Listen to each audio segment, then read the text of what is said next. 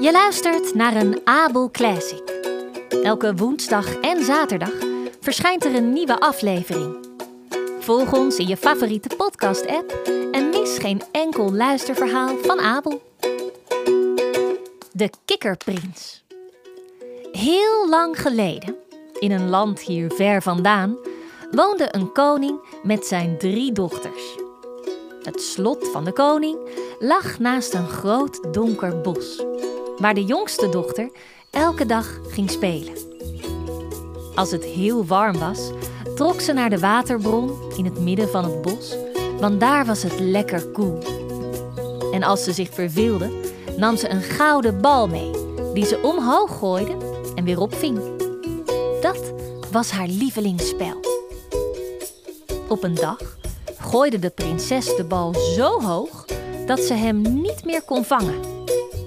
De bal kwam naast haar op de grond terecht en rolde het water in.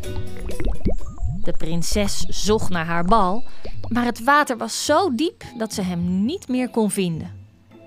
Ze huilde zo hard en lang om haar verlies dat de blaadjes aan de bomen rondom begonnen te ritselen en het water begon te rimpelen.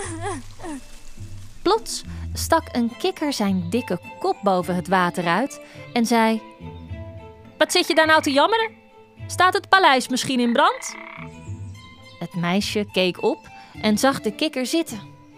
Oh, jij bent het, oude kwaker. Ik hel omdat mijn mooie bal in het water is gevallen. Daar moet je toch niet om huilen? Ik kan wel naar beneden duiken en de bal voor je opvissen. Wat krijg ik als beloning? Oh, alles wat je maar wilt, zei het meisje. Mijn gouden kroon misschien? Ze nam haar kroon van haar hoofd en stak hem uit. Wat moet ik met een kroon? vroeg de kikker. Wil je liever juwelen, kleren, een koets met twee paarden? De kikker begon te lachen. Ha, ik zie me al zitten, een kikker op een koets. Hij schudde zijn kop. Daar heb ik ook niks aan. En je kleren, die zouden alleen maar nat worden. Maar wat wil je dan? Vroeg het meisje wanhopig. Ze had de kikker alles aangeboden wat ze had. Ik wil je vriend zijn. Ik wil dat ik naast je aan tafel mag zitten, van je gouden bordje mag eten, uit je beker mag drinken en in je bed mag slapen. Als je mij dat belooft, dan zal ik naar de diepte afdalen en je gouden bal weer naar boven brengen. Wat een onzin, dacht de prinses. Laat die gekke kikker maar praten. Hoe kan ik vrienden zijn met een kikker? Hij kan toch nooit uit het water komen om het te bezoeken. Maar ik zeg maar dat het goed is, zodat ik weer met mijn bal kan spelen. Dus ze zei: Als jij mijn bal terug kan brengen, doe ik alles wat je vraagt. De kikker dook direct diep onder water en niet lang daarna kwam hij boven met de gouden bal in zijn bek. Hij zwom naar de kant en liet de bal in de uitgestoken hand van het meisje vallen. Het meisje sprong meteen op en rende weg. Hé, hey, waar ga je naartoe? Wacht op mij, riep de kikker. Maar de prinses deed net alsof ze hem niet hoorde. De volgende dag zat het meisje samen met haar zussen te eten. Plots hoorde ze geluid op de trap. Klets, klats, klets, klats, alsof iets de marmeren trap opkwam.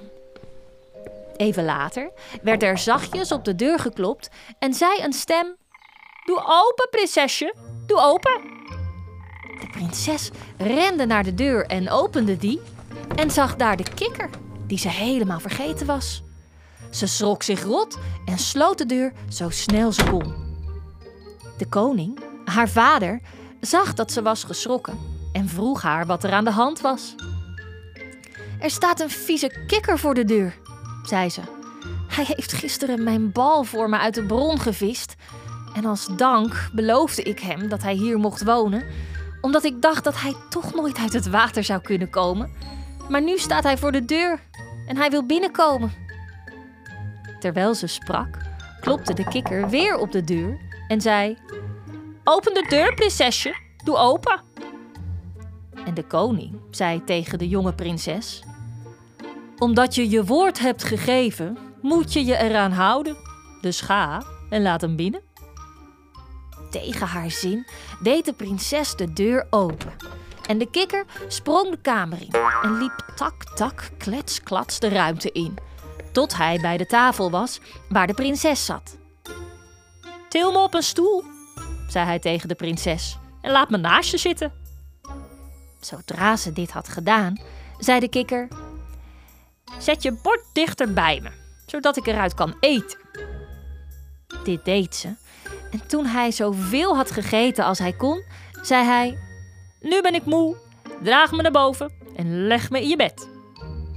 En de prinses nam hem in haar hand en legde hem op het kussen van haar eigen bed, waar hij de hele nacht sliep. Zodra het licht werd, sprong hij op, huppelde naar beneden en ging het huis uit. Gelukkig, dacht de prinses. Eindelijk is hij weg en zal ik geen last meer van hem hebben. Maar ze vergiste zich.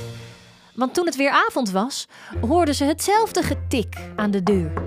En de kikker kwam en riep: Open de deur, mijn lieve prinses. En toen de prinses de deur opende, kwam de kikker binnen en at van haar bord en sliep op haar kussen tot de ochtend aanbrak. En de derde nacht deed hij hetzelfde. Maar toen de prinses wakker werd op de volgende ochtend, was ze verbaasd. In haar kamer stond geen kikker, maar een knappe prins.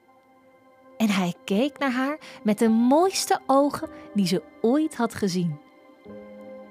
Hij vertelde haar dat hij was betoverd door een gemene heks die hem had veranderd in een kikker. De vloek kon alleen verbroken worden als een prinses hem drie nachten lang liet eten van haar bord en liet slapen op haar bed. Jij, zei de prins, hebt de vloek verbroken. Daarvoor ben ik je eeuwig dankbaar. Ik hoop dat je niet te erg van me bent geschrokken. Want je zou me de gelukkigste jongen op aarde maken als ik je beter mag leren kennen. Ik hoop dat we nu echt vrienden kunnen worden. Vanaf dat moment waren de prinses en de prins onafscheidelijk. Later trouwden ze en de prinses vertrok met de prins naar zijn geboorteland. In de tuin van hun nieuwe kasteel lag een hele mooie vijver, waar veel kikkers woonden. Samen zorgden ze ervoor dat geen enkele kikker ook maar iets tekort kwam. Bedankt voor het luisteren naar een Abel Classic. Elke woensdag en zaterdag verschijnt er een nieuwe aflevering. Volg ons in je favoriete podcast-app en mis geen enkel luisterverhaal van Abel.